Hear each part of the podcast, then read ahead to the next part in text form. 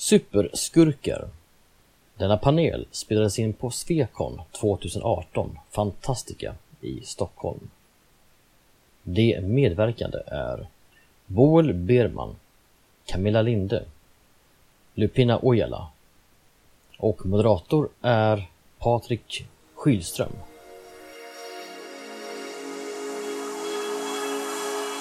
Svekon-poddar. Poddradio från svenska science fiction och fantasykongresser.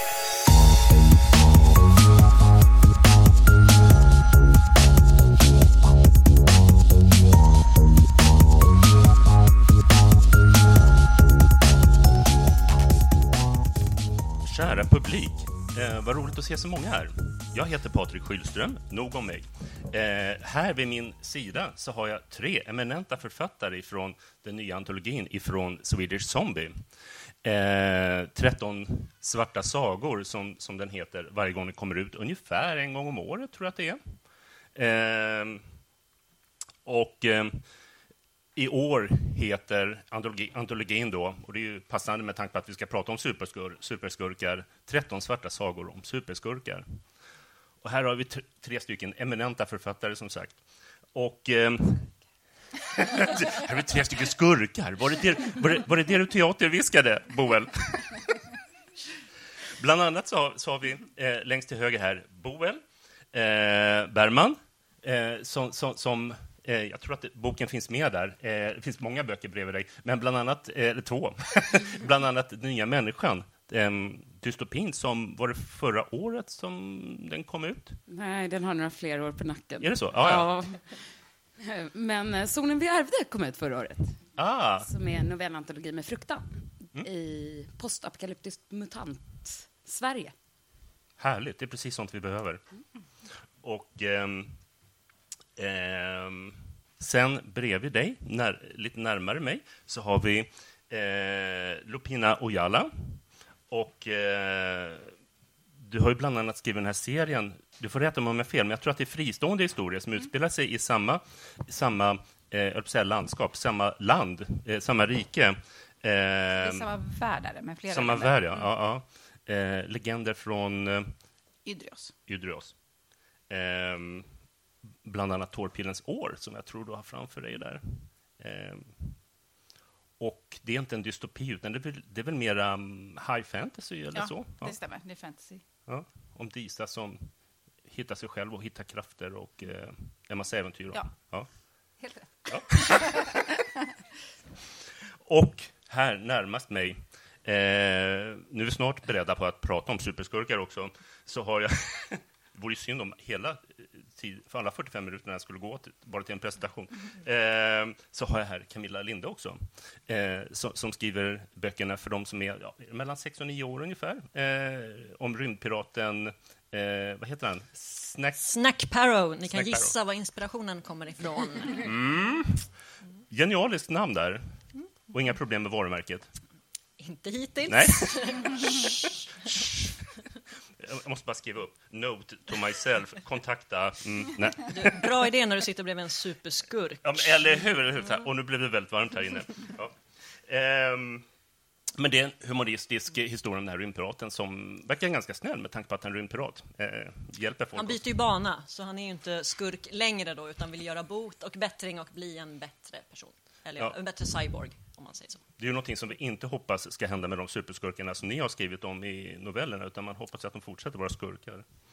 Mm. Eh, om vi börjar någonstans, till exempel Lupina, din, din, din superskurk som du har eh, i, eh, i, i berättelsen Sekelskifte, eh, som är lite steampunk-aktig mm. historia eh, om eh, människor som förlänger sitt liv eh, och svartsjuka. Eh, hur skulle du beskriva henne? Um, ja, hon heter Dorelia Amalon. Eh, hon är väldigt maktlysten. Eh, kan göra i princip vad som helst för att få det hon vill ha. Eh, och det gör hon i boken också. och, så. och den är som, som sagt steampunk-inspirerad, för steampunk är ju en genre jag skriver rätt mycket i annars också, förutom fantasy. Och eh, handlar mycket om världsherravälde och så, men vi ska inte spoila Ja, någonting. det Det, där är så- himla svårt, svårt. Man vill precis, prata om historierna precis. också, för de är så, de är så förlåt att jag svär, men de är så jäkla bra. Så att, Ah, Jo, men det är sant. För min första tanke var att jag ska skriva en superskurk. Vad brukar superskurkar göra?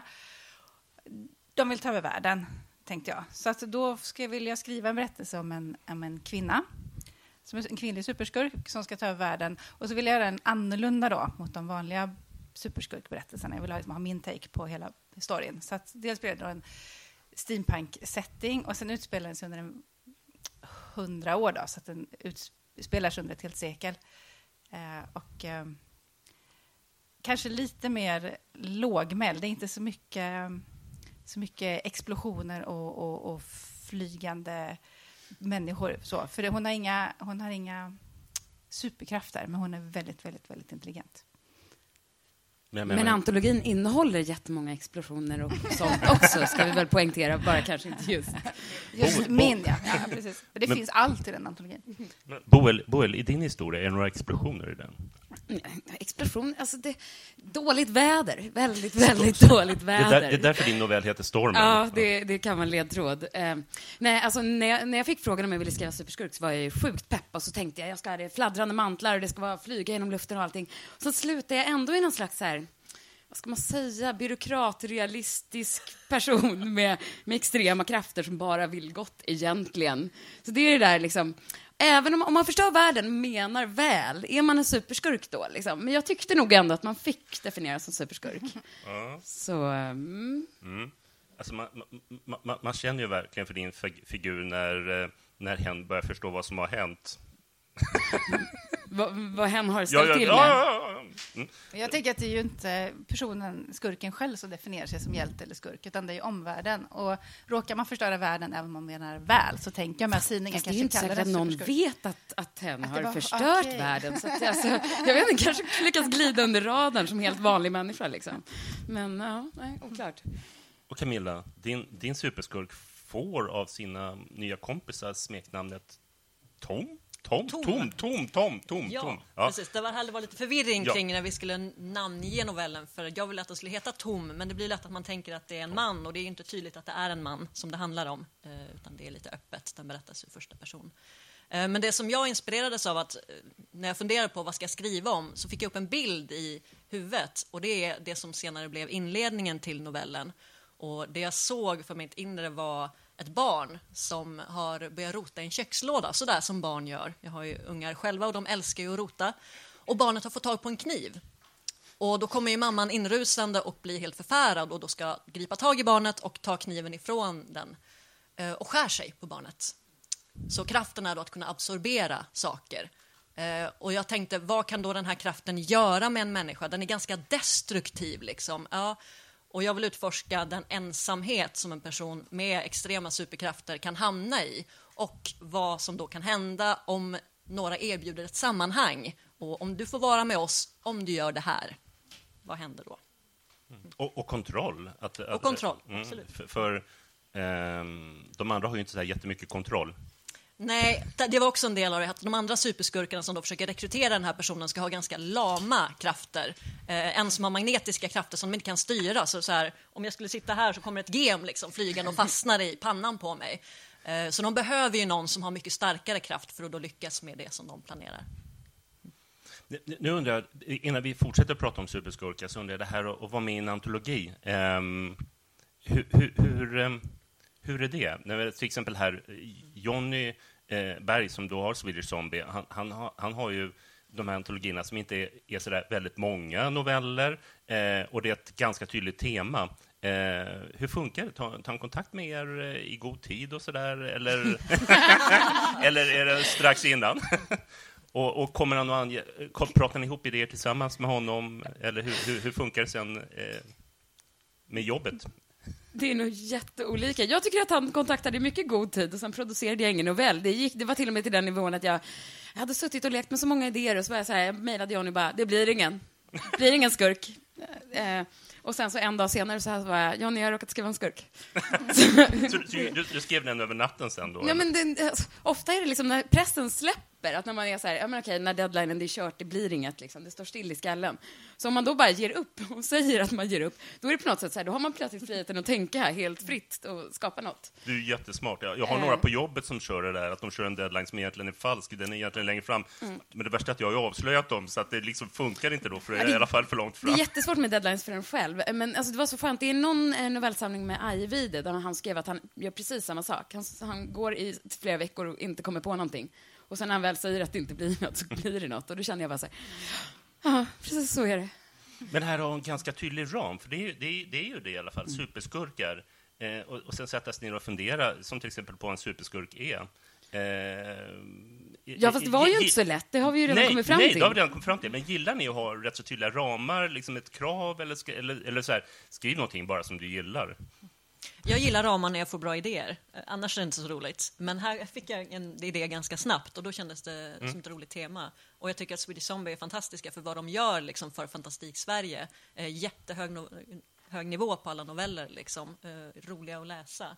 Så jag tyckte det var roligt att jobba med John. Jag tycker det är kul för att man får, man skriver berättelser som man inte skulle skrivit annars. Mm. Jag skulle nog inte skrivit någon skurknovell om inte John hade kontaktat mig och frågat om jag ville vara med i antologin. Det är ju, det är ju jättebra, för de har testat sina vingar på andra, gre- om andra ställen. Mm. Och jag älskar ramar. Mm. Och jag tänker alltid att jag ska hålla mig inom dem. Och sen bryter jag dem. Så, att, eh, så i teorin gillar jag boxen om jag får klippa hål. Så. Ja. Jag, jag, jag, jag är i alla fall jätteglad för att ni, de är så himla spännande och roliga ibland, men framförallt så, så känslomässiga också, eh, era historier.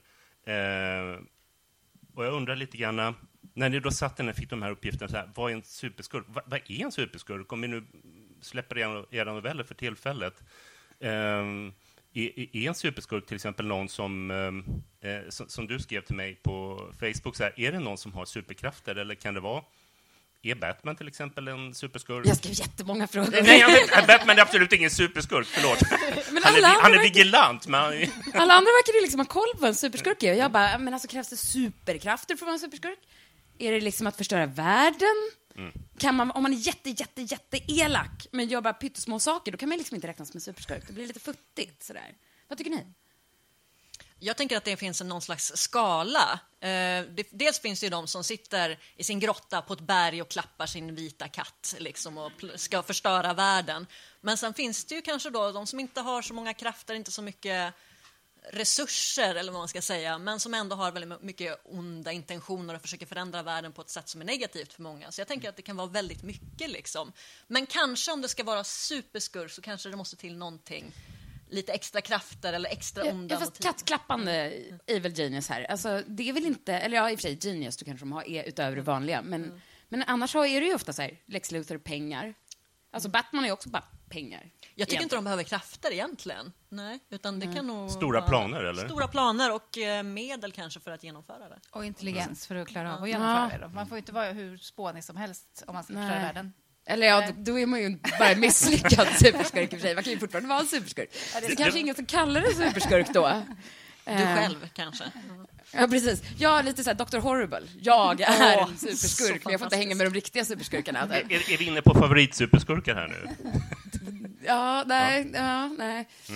Eh, Det blir spoiler alert om jag ska säga min favoritsuperskurk. Ja. Eh, alla som har, är, alltså, American Gods, om det är någon som inte... Alltså Wednesday är min absoluta favoritsuperskurk. Eh, alla kategorier. Just för att man på något sätt förstår honom och tycker om honom så genuint mycket. Eh, och, och så är han inte hemsk, men ändå hemsk. Ja, du, Så. du menar den här dubbla, dubbelnaturen, eller? Ja, men alltså, man vill ju typ krama honom och man vill vara hans vän och man vill att han, ska- man, han ska vara hans morbror och samtidigt så är han ju... Alltså det är massaker och blodbad utan dess like. Eh, mot folk som har lidit på samma sätt som han. Så att, ja, ja, mm. Er tur. Det är det är en schysst kompis. Ja, polare liksom. V- vad, har ni andra för eh, favoritskurkar? Har ni några favoritskurkar? Jag får väl erkänna att jag är rätt dålig på både superskurkar och superhjältar. Den enda superskurk jag kunde komma på på rak arm, det var väl han Lex Luthor från eh, Stålmannen Fast, han på min tid. Ja, ja. fast det finns ju superskurkar i fantasy. Alltså man kan ju se det så. Sa- Sauron och... Det är Alltså sant. det är ju Ja, ja, ja. superskurkar. Ja, det är sant. Så tänkte inte jag. Jag tänkte på de här brorsans serietidningar som jag Mm. inte fick läsa, men gjorde ändå när han var i skolan. Så då blev det Lex Luthor. Och, Ja, det var liksom det jag kom... Ja. Ja, det var Ja. han jag känner till bäst. han, har- han har ju Han pengar, är han har ju ju pengar och han har stora planer. Och Fast han är ju jag har för smart. mig att det inte gick jättebra för honom. Fast han är ju en vanlig människa och Stålmannen är ju typ en av de mest så här, vad ska man säga, perfekta och lite tråkiga superhjälte-utomjordingarna. Liksom. Det är därför man gillar Lex, Lu- Lex Luthor. Då. Men han är För han är inte så jävla perfekt. Sen har jag för mig att han hade någon sorglig backstory, men jag kan minnas fel. Mm. Har du någon? Ja, jag har en eh, favorit. Ju- När jag var liten så läste jag inte så mycket serietidningar och så. Jag kände väl inte riktigt att de var riktade till mig. Eh, men däremot så såg jag en film när jag var sju år gammal eh, som heter Batman återkomsten, regisserad av Tim Burton. Eh, och det förändrade mitt liv när en viss karaktär kommer in voltande där och en byggnad som sprängs och hon säger sitt miau. Eh, det är såklart Catwoman. Ja, eh, för då var det första gången som jag kände att shit, här är någonting som jag kan relatera till. Inte att jag då skulle klä mig i spandex och volta runt. Men i filmen så är ju då hon, innan hon blir Catwoman, en ganska tillbakadragen typ, ganska tystlåten, så blir lite hunsad på jobbet. Och som ganska blygt barn kände jag ju igen mig ganska mycket i det här och att ja, men här är någonting som jag verkligen kan relatera till. Så sen dess har Catwoman haft en speciell plats i mitt hjärta och jag tror ingen har nått upp till den coolhetsfaktorn liksom, som jag hade i det ögonblicket när jag såg henne. Jag, jag, tror vi har en, pub- jag tror vi har en kommentar där från publiken. Vänta på mikrofon, för annars, annars kommer inte någon annan höra dig. Vi vill alla höra vad du säger. Men under tiden, Catwoman, Ja, är inte hon Catwoman. kompis med Poison Ivy som jag tycker om väldigt mycket Jag tycker också, väldigt mycket om Poison Ivy. För hon har Ja. en agenda, alltså hon vill ju rätt saker fast, fe, fast gör fel saker. Så. Vill rädda världen. Rädda klimat. Ja. Så jag tänkte lite, alltså, vad är skillnaden mellan en antihjälte och en eh, superskurk? För jag tänker att Catwoman är en antihjälte, men jag, jag vet inte vad som är sanningen. Det, ja, men det är väl svår gräns egentligen, för Catwoman är väl en typisk sån eh, karaktär som i vissa serier och så har varit skurk, men sen så blir hon lite mer av en antihjälte och det är väl rätt vanligt och det är väl de jag tycker bäst om också, som liksom, där det är lite flytande vilka de är. Jag gillar nog inte de här überonda skurkarna, för det är väl svårare att relatera till dem, tycker jag i alla fall. Utan jag gillar när det kan vara lite både och. Ja, alltså, fast det känns också där som att utvecklingen gått från att det var väldigt stereotypt, alltså så här, Mm. svart och vitt, gott och ont, och att nu börjar det liksom bli gränsdragna åt båda hållen. Så vi har liksom antihjälte och, och liksom sympatiska skurkar och Mm. eh, ja, det blir bara svårare och svårare att skilja gott från ont tydligen. Och det är väl det som är bra, tänker jag också. Att det är lite verkligare, liksom. Att du kan vara ond i en kontext och då Come over to the annan. dark side, it's grey. We have cookies. We have cookies. Men det är jättebra när det inte är så här binärt, när det inte är verkligen svart eller vitt och så. Då, då, jag menar, Konstantin till exempel, han är ju en antihjälte och han vill så himla väl, men alla vänner runt omkring dör. Så det är ju lite jobbigt. Ja. Så var inte kompis med honom. Ja. Wednesday är är mycket så här, bättre. Nej, nej, nej. Eh, Eller, eller Mr. Mr. Glas då? Om jag får välja en favoritskurk där, så är superskurk. Mr. Glas. Kom, vet ni vem jag menar när jag säger. Mr. Glas? Eller nej? Va? Unbreakable. Ja, exakt. exakt. Så, så bara ta på sig den här tra, tra, tragiska um, rocken. Alltså, jag är superskurk bara för att jag måste få en superhjälte. Så jag, jag Ja, men han mer eller mindre skapar ju superhjälten för att Ja. han vill ha en motståndare. Alltså jag tycker att det är jätteintressant, för det också ställer det här dilemmat, eller liksom, behöver man en hjälte för att ha en skurk? I min novell har jag ju liksom inte någon hjälte, eller ja, både, det, han försöker väl vara en hjälte och bli och är en skurk, men, eh, men jag har inte båda sidorna liksom, på två karaktärer. Eh, jag vet inte hur, om man behöver en motpol för att få vara en riktig superskurk. Vad tror ni? Alltså jag tycker att det funkar väldigt bra i din novell. Jag slogs just av det du säger, att här är det en person som har både och. Eh, det behövs nog inte egentligen att man har en hjälte, som, men det kanske underlättar för att visa på kampen på gott mellan ont. Men ja, det funkar att göra på olika sätt, tänker jag. Men, men vad är det som gör att man...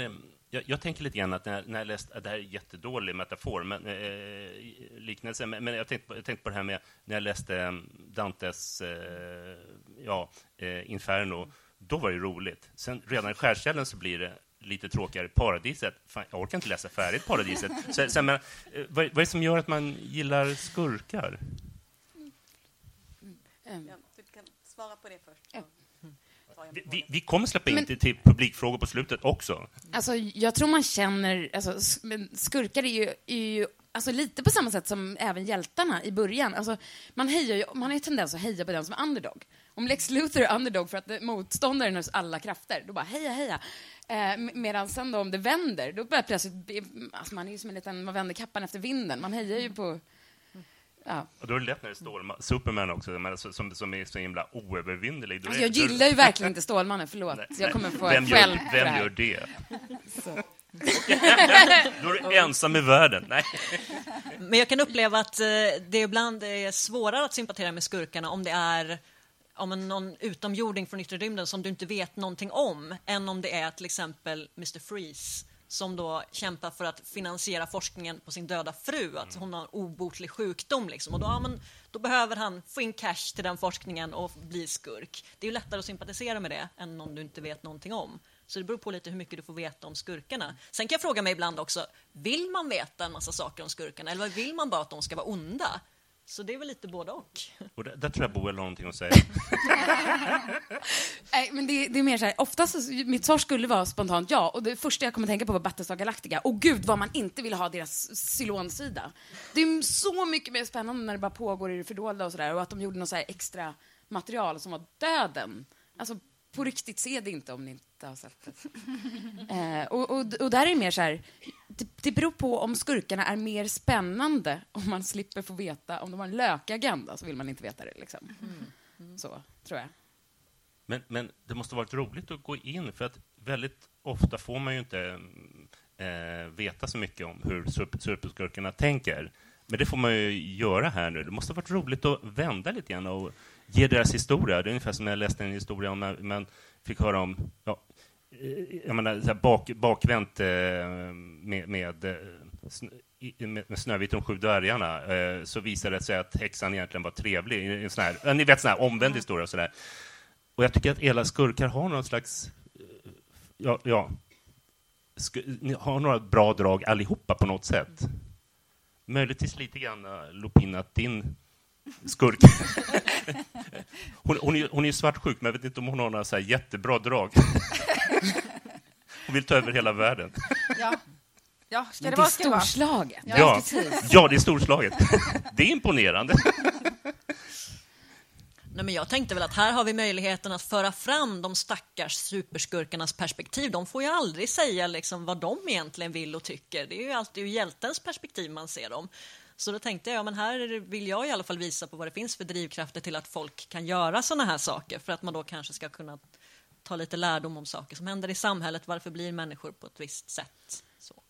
Så. Ja, men det kan ju också kännas, alltså gränsen mellan om man skulle bli en hjälte eller skurk, alltså jag vet inte själv och det, jag tror att det är därför man både känner för hjältarna och skurkarna, för att man är lite så här, okej men jag hade jättemycket krafter, men om jag är jättearg på någon också, jag kanske inte menar att ta i från tårna, men jag har superkrafter så att det går överstyr. Alltså man kan ju relatera, för att man kan vara arg och glad och alltså, och alla kan ju inte vara Captain Hammer liksom. Så, hela tiden. Jag tycker att det är lite slumpen som avgör, för med människor också, om man blir liksom god eller ont, vil- vilken sida man väljer, vad som händer. Saker som händer i livet, eh, eller som man råkar ut för, eller som man blir påverkad av känslomässigt. Om man blir väldigt sårad någon gång, eller så, så kan man nog kanske vilja hämnas på världen. Jag vill bara haka Ja, på ja, det ja. som Boel nämnde. Hon har nämnt nu både Dr. Horrible och Captain Hammer. Och om ni inte har sett den, så se Dr. Horribles sing-along-blogg. Den finns på Netflix. Finns på Netflix. Kanske en av de få där de visar ur superskurkens perspektiv och där superhjälten är en douche. Riktig douche. Så, eh, väldigt bra. Och en av få som jag kom på sen, vilka berättelser är ur superskurkens perspektiv? Ja, den är ju det, men jag kom inte på så Vi kan köra extra andra. nummer ha allsång sen här. Vi, vi skulle ha förberett det, förlåt. Jag borde haft Det är det, en här bakom. musikal, ska jag bara förvarna om ni inte har sett den. Men, men eh, ehm, tycker ni att det, eh, att det finns nå- nå- nå- någon utveckling, några trender när det gäller superskurkar? Eller eh, tycker ni att det är eh, superskurken ungefär som det har varit förut? Vi var inne på det här att det kanske är gråare nu än vad det var förut. Är det en stark trend? Eller finns det något annat när det gäller superskurkar som man ser i olika media? Alltså absolut karaktärsutvecklingen, men sen, är det liksom så här, definitionen av superskurk, men just det här superhoten. Eh, alltså, jag, jag vet inte om det är riktigt en trend, för jag tänker referera till någonting asgammalt, nämligen alltså, typ iRobot och Asimov. Att, att där är ju gärna att AI vill skydda människor genom att låsa in oss alla jättetryggt och säkert. Jag menar, det är ju i princip att AI blir en superskurk som menar väl, men vi kanske inte skulle bli så glada av det.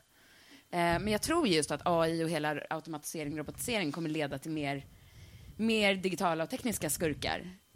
Alternativt cyber-enhanced skurkar. Så. Kanske mer än fysiska genetiska krafter. Men jag vet inte. Mm, spännande.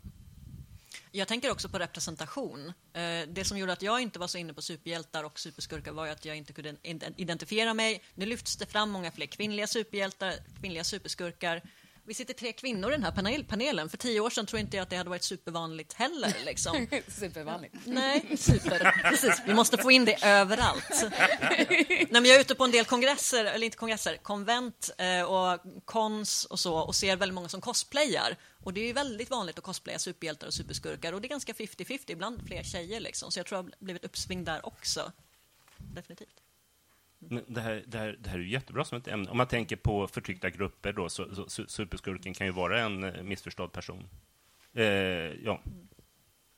Är kvinnor missförstådda? Eller jag nu förstår Nej, nej, men- nej, men jag, jag, jag, jag, pratar, jag, pratar, jag, nej, men jag, pratar, jag pratar också om etnicitet och ja, men du vet, antirasism. Och, ja, mm. Ja, men det där är ju klurigt också, för att så många superhjältar var ju bara vita män. Punkt. Och sen så var skurkarna allt det andra, i princip. Eh, och nu börjar det bli variation på båda sidor, tror jag. Ja. Bättre historier. Och där är ju, det, det är ju tre- 13 eh, svarta sagor om superskurkar ett jättebra exempel på. Har ni haft någon tid att läsa mm, varandras noveller eller de andra novellerna i samlingen? Har ni läst all, hela boken? Jag, Yes. jag har inte läst hela än. Har ni, har men, men, men, men har alla läst någonting mer än sin egen novell i, i den där?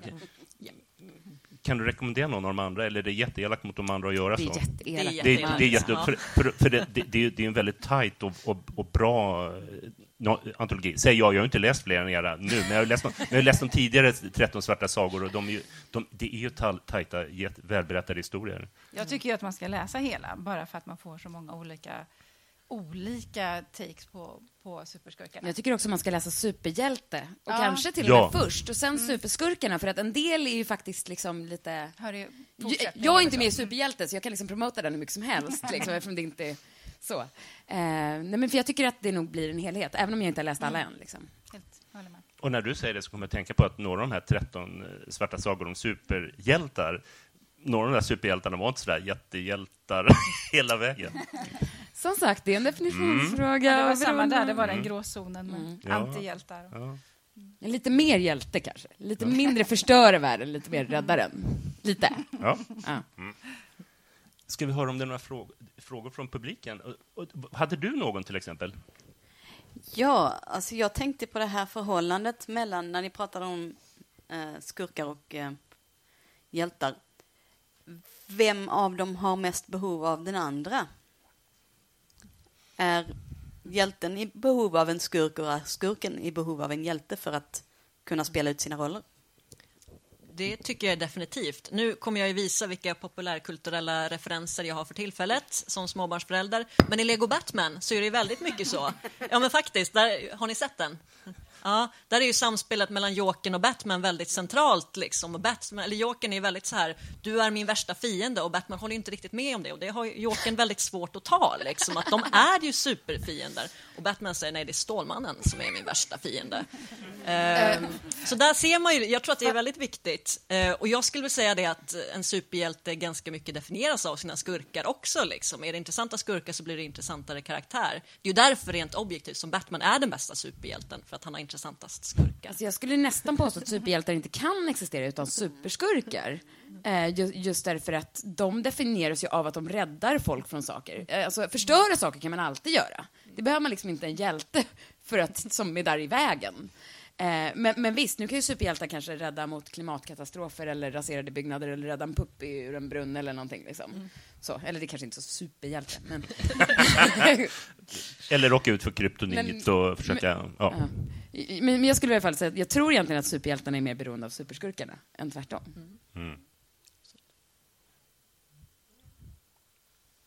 Lite lite fler frågor. Lite Ja. fler frågor av publiken. Kan, kan vi skicka upp mikrofonen? Kan vi langa?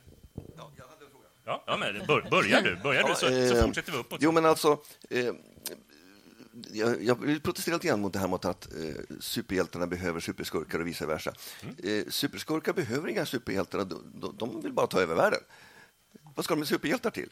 Och eh, superhjältar behöver inte skurkar därför att eh, Stålis eh, ja, alltså räddar ju folk ur olika diverse naturkatastrofer och så, sammanrasade byggnader och allt vad det är. Va? Så att, att ställa de här mot varandra tycker jag är lite... Det blir inte lika Med- episkt menar jag bara. Nej, det, Alltså- det, det är lite media eh, journalistik. Vi behöver en bra fight. Men, men skurkarna kanske behöver, be- behöver superhjältarna ibland också. Men som, som, som, som du var inne på, Jokern, han, han, han, det är ju nästan lite bromance där. Att, inte, nu, nu, nu, nu är jag verkligen ute på djupt vatten, men, men han, han, han, han, han, han, han, eh, han vill ju verkligen fortsätta den här dödsdansen. Jag tänker också att de blir lite som gamla kollegor så där efter ett tag, när Mm. de har kört den här dansen i liksom några år. Så där, eh, vad är det, Batman fyller väl eh, cellen på Asylum med blommor enligt någon version eh, för eh, Poison Ivy, som är en sån slags fredsgest. Jag låste in dig, men, Mm. men sorry. Det är rätt så fint i Arkham, Arkham Asylum att han går runt där och han, han, han, han har ingen grudge mot dem. Och så här. Ja. Ja, Här är jag. Hallå? Vad vad är det? Där är du! Jag har en fråga. Ni pratar ju om superskurkar, men jag tänker att de tänker nog inte på sig själva som skurkar. Tänker jag. Det är nog ingen som sätter sig själv och tänker att jag är en skurk, utan i deras värld är de hjälten. Hur tänker ni där? Jag tänker faktiskt att en del kanske ser sig som skurkar. Eh, alltså, vi har ju ändå det här, ha, evil laughter, liksom. eh, kanske vill jag förstöra världen. Men ja, du har nog rätt i att det är mindre och mindre att de ser sig själva som skurkar. Eh, ni kanske har något smart att säga om det? Nej, jag skulle nog hålla med om det. Ehm, Att det finns nog både de som tänker att ja, men jag gör ju faktiskt det bästa. Det bästa är att döda av hälften av jordens befolkning, så klarar sig jorden.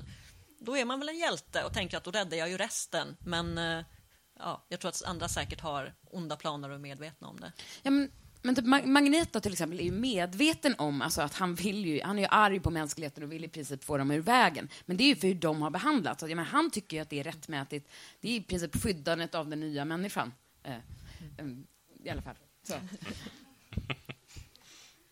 Men, men, men jag, tänk, jag tänker att era, era skurkar eh, vill ju väl allihopa på något sätt också. Jag menar, världsherraväldet eh, hos, hos, hos din skurk, det är ju väldigt praktiskt, för då kan man ju bestämma hur det ska vara. Ja, men hon gör det ju kanske inte riktigt för att vara snäll. Okej. Så hon är väldigt... an- Hon, hon, eh, hon är väldigt egoistisk. Hon gör det för sin egen skull, bara. Mm. Så, så det tänker jag, sådana superskurkar finns det väl också som bara ehm, gör allting för egen vinning. Men jag tror som sagt inte att, kanske att de kallar sig själv för skurk, för det är inte så. De tycker nog att de bara är väldigt mer intelligenta än alla andra och förtjänar det bästa. Och tycker att det är bättre att de bestämmer för att de vet bäst och kan bäst. Det låter lite som min bror. Superskurken. Ja, ja, verkligen. verkligen. Jag tänkte knyta an till eh, det som du sa där, Pia. Ehm, Jag tänker att det skulle vara intressant med en historia där bägge parter, om det finns en liksom två antagonister till varandra, där bägge tycker att de är superhjälten och den andra är superskurken. Mm. Jag har två olika lösningar på hur man ska rädda världen eller något liknande. Har ni något exempel på någon, eller har ni någon, Jag skulle nog det säga att historia? en novell i samlingen är lite in under den kategorin och att författaren sitter precis bakom dig. Härligt, Och- och- Oskar. Och eh, kan vi säga högt vad författaren heter? Oskar Källner. Tack. Ja, hej. Jag hade en fråga. Och eh, det är liksom... Jag gillar verkligen superskurkar. Magneto är en av mina absoluta favoriter. Men finns det någonting för er som verkligen kan förstöra en superskurk? Jag vet personligen eh, såg någon eh, Stålmannen-film där motivet för Lex Luthor är att han vill skapa så här primetime real estate utanför New York. det kände jag att det sänkte hela den karaktären. Är det någonting som ni känner liksom verkligen kan förstöra superskurkar? Det är svårt att slå det där exemplet. Nej, alltså jag kan faktiskt, nu, nu kan jag inte svära på att det här är sant, men jag pratade med Eira i Fruktan häromdagen om superskurkar och hon hävdade att i någon gammal Smallville, i den här tv-serien som gick väldigt länge, eller att de i något avsnitt förklarar att Lex Luthor hatar Stålmannen för att det var Stålmannens fel att han förlorade allt hår. Ja, visst, Och det tyckte jag bara, va? Så det kan ju liksom förstöra lite dynamiken, skulle jag påstå. Så här, petty grudge, att, att det liksom inte är tillräckligt episkt. Ehm, det är det bästa jag har. Oj. Jag, jag tror att det var någon fråga här lite längre ner också. Ja, om du skickar ner mikrofonen. Den kommer, det kommer. Och- Det kommer, och sen håll mikrofonen nära munnen. Ja, eh, det första det där med Snack Parrows. En del känner till det, men inte jag. Vad är referensen? Eh, Jack Sparrow, den här eh, piraten. Ja, vad Ja. dum jag. No, frågan jag hade, vad tror ni om Kapten Nemo? Är han en superskurk? Är han en skurk? Är han en superhjälte eller vad då? Det beror på Extraordinary League of Gentlemen. Ja, Alltså, i, I originalet så är han ju mer av en superskurk som ändå har goda intentioner, väl? Nu kan jag ha fel. Är det någon annan som är expert som kan uttala sig sådär? Ja, men, jag, jag håller nog med spontant. Vi får höra vad han säger också. Jo men som eh, Alan eh, Moore liksom visade i League of Extraordinary Gentlemen så han är ju egentligen en indisk prins typ i originalet så här. Så han har ju mycket av en grudge så här, mot brittiska imperiet så här som Vern, mycket, Jules Verne mycket kritiserar i den boken så här. Så det är lite faktiskt grått på det sättet så här. Intressant. Väldigt tidig grå eh, superskurk. Det är så bra när det blir förstärkt sen av Alan Moore, eh, postkolonialismen. Och, ja. Vi skickar vidare mikrofonen. Eh, jo, jag tänkte, det är lite en grej att eh, skurkarna ofta är kanske mycket mer intressanta än hjältarna därför att de är ju skurkar, de gör saker som inte är okej, de bryter mot normer och liksom rör till liksom så här, det, de sticker ut mer och är, typ, tycker jag i de flesta berättelser, mer intressanta än hjälten. Har ni något exempel på eh, en berättelse där superhjälten faktiskt är mer intressant än superskurken som karaktär, eller finns inte det? Alltså, jag, jag tycker att Batman är en väldigt intressant superhjälte, men han har också intressanta superskurkar, så det är svårt att välja mellan dem. Eh, Men för att ta ett annat exempel med också en antihjälte, eh, tycker jag att Punisher eh, är väldigt intressant. Framförallt i den senaste Netflix-serien eh, med Daredevil så blir det väldigt tydliga kontraster. Daredevil är så här, jag ska minsann inte döda någon och han bara, "Ja, fast din metod är så himla ineffektiv. Jag slår ner dem och de reser sig inte upp igen. Mycket bättre. Ehm, Så där tycker jag att det blir intressant, liksom, mm, att superhjälten blir lite så här toffel nästan, att man tycker att vad mesig du är, liksom, att där är superhjälten intressantare. Ehm, Men annars skulle jag nog säga Batman. Ja. Ja, alltså jag... em, nu försöker jag komma på vad den här serien heter som alla andra i rummet vet. Eh, men hon starka kvinnliga, som jag gillade jättemycket, eh, som är privatdetektiv. Jessica Jones. Tack, Jessica Jones. Men där är ju skurken något alldeles extraordinärt, tycker jag. Fruktansvärd. Eh, och så, men alltså det är... Så där tycker jag nästan att skurken vinner, men jag gillar henne väldigt mycket. Annars är det ju, jag är tillbaka till American Gods igen, för jag tycker att Shadow, jag tycker jättemycket om Shadow, men jag tycker att han är bland. Medan Wednesday är motsatsen till det. Men jag tycker, jag tycker det är svårt att hitta riktigt bra superhjältar. Egentligen mycket lättare att hitta bra superskurkar. Nu kom jag på en, Mm, den bra, bästa. bra, den bästa är ju Buffy. Ja, Faktiskt. har vi- det är ju där- bästa yeah. superhjälten, där de skurkarna är intressanta men de kommer ju aldrig upp till nivån. Nej, liksom. nej, nej, nej, nej. Förlåt. Bra. Spike. Ja, ja sant. Ja. Ja. Ja, jag har en fråga lite hur ni tänker kring eh, vad gör en superskurk intressant? Vad är det som får en superskurk att fungera? Vad är skillnaden mellan en bra och en dålig superskurk? Eh, det är väl ganska personligt, men jag gillar ju tragik. Det ska ju vara en riktigt tragisk skurk för att jag ska gå igång. Eh, Gärna origin story som är väldigt mycket, ja men, de har varit med om tuffa saker liksom och att det speglar varför de har blivit superskurkar. Det går jag nog igång på. Jag tycker att det, Ta- kör du. Eh, Jag tycker att det, de ska vara smarta och lyckas med det de gör, vilket de aldrig gör. Vilket, det tycker jag är så ledsamt. För det kan man väl få göra någon gång. Och jag kan tycka också så här, om man... Jag förstår hur du tänker. Så tycker jag, jag tycker att det kan vara lite vekt. att bli ond bara för att någon var dum en gång. Jag tycker att det ska vara liksom, är man en riktig superskurk så, så har man liksom, man bara, man bara vill ta över världen eller vill liksom göra någonting för att man, man av ondska. Men- men Ja. Nej, för mig är det nog identifikation. Alltså som till exempel då, eh, alltså identifiera sig med just någon som har varit blyg eller mobbad eller någonting, eller att man identifierar sig med Magnitos, alltså kanske inte att man har upplevt det själv, men just det här tragiska förlusten av, av föräldrar, alltså allt han har gått igenom och att det på något sätt så här, att ständigt konfronteras med att mänskligheten aldrig förbättras, och medan mutanterna faktiskt gör det. Alltså, att han, jag, jag hejar ju på honom fast jag inte vill att han dödar mänskligheten. Så, att, så det, det är väl en väldigt stor sak för mig, att, att man, måste, man måste känna för dem, även om man kanske inte tycker om allt de gör. Om ni måste välja då, Jokern eller Magneto? Magneto. Alltså, Jokern är fantastisk i filmen, men i övrigt så... Ja, Magneto är bara ikonisk för mig. Tror jag. Ja, jag skulle nog faktiskt också, jag gillar ju DC kanske lite mer, men jag skulle nog faktiskt av de två välja Magneto också. Du fick ju över mig. Vi battlade lite Marvel DC tidigare. Men det är för att Jokern kanske inte har den backstoryn som jag skulle vilja ha. Han är lite mer, nej. Nej, Magneto. Jag tror jag är också lite skadad av den här gamla Batman-serien, ni vet den här Pow! Vad väljer du? Jag tror också Magneto, för jag tycker jag gillar X-Men-filmerna jättemycket och jag läste jättemycket Marvel när jag var liten. Nu är det egentligen stopp, men jag tänkte höra om det är någon sista fråga från publiken, annars har jag en. Jag tänkte höra, skulle ni vilja att superskurkarna vann någon gång? Ja. jag, jag tänker ungefär som så här, vad heter det här, monstret i lagu, la, lagunen och, och, och, och så andra. Jag, jag älskar när monstren vinner. Och, och superskurkarna. Alltså, jag, jag, jag, nej, det, jag vill jag nog inte, för jag tror inte att de blir glada heller. Jag tror de kommer ångra sig. Då har de ingenting kvar, då är de framme. Det är liksom deras, ja, för, för att jämföra med inte alls en superhjälte eller superskurk, utan hemuler. När man väl har samlat allting, då är man, ju bara, då är man bara en ägare och inte längre en samlare. Liksom. De behöver något att sträva efter. Så.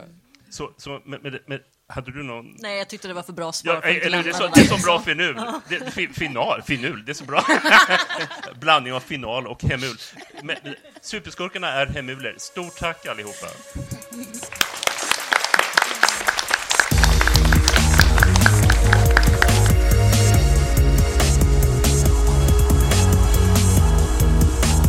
Musiken av Psychedelic Pedestrian från Free Music Archive.